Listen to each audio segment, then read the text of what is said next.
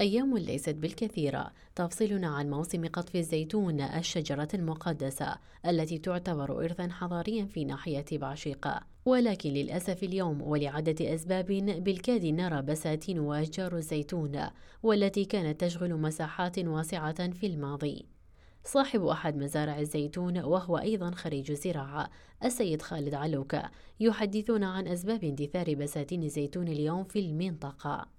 ناحية بعشيقة مشهورة بزراعة الزيتون. وبعشيقة كانت تعتمد عليها كمصدر رزق أساسي للعيش. لكن للأسف آه، النسبة الكبيرة من أشجار الزيتون انتهت في بعشيقة وبحزاني آه، لأسباب عدة منها التمدد السكاني وقلة المياه. فلاح آه، في بعشيقة وبحزاني كان يبيع كيلو زيتون بسعر مناسب. لكن بعد الاستيراد من الخارج أثر تأثير كبير على وضع الزيتون. ولهذا ما بقى الفلاح يهتم بزراعة الزيتون كمصدر رزق لقلة السعر وعدم الفائدة. ولهذا تشوفين أن نسبة أشجار الزيتون قلت بكثير بينما كانت سابقا تغطي مساحات واسعة ومساحة خضراء.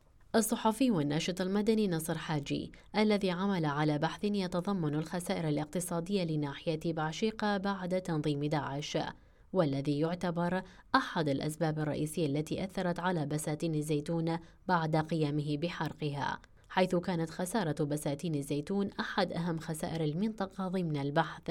طبعا بعد غزو داعش الإرهابي استهدف هذا المورد الاقتصادي والمورد السياحي والمورد حتى الجمالي اللي في المنطقة نتيجة عمل بحث علمي دقيق حول هذا الموضوع اللي كان يشمل الخسائر الاقتصادية لهالبحشيق وبعزاني ومن ضمنها جانب الزراعة بشكل عام والزيتون بشكل خاص. اتضح لنا من خلال هذه الدراسة ومن خلال استبيانات ومن خلال إحصائيات متوفرة لدى مديري زراعة بعشيقه بأن كان هناك 90 ألف شجرة تم إحراقها بالكامل. هذا ما أثر على حياة المواطنين الاقتصادية وحتى الاجتماعية مسألة السياحة والاصطياف اللي كان تصير إلى هذه الأماكن وهذه هذه البساتين ليس من أهل المنطقة فقط بل القرى المجاورة من داخل مدينة الموصل وحتى من أقليم كردستان كانت الكثير من العوائل تجي للاصطياف وللسياحه في هذه البساتين. لكن النقطة الإيجابية والتي تدعونا للتفاؤل هي قبول بعض المنظمات المهتمة بالإرث الحضاري هذا البحث وقامت بإعادة إعمار جزء من هذه البساتين لما لها من أهمية على المنطقة. عملنا على حملات للمنظمات حملات عن طريق السوشيال ميديا حملات عن طريق الإعلام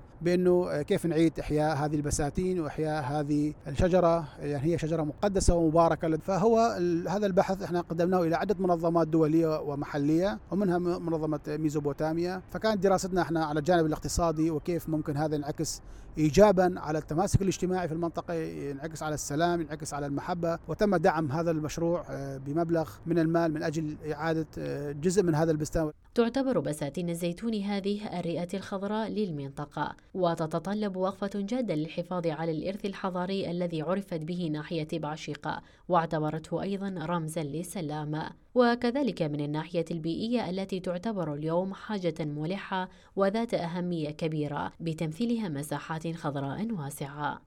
لراديو السلام رونز سالم.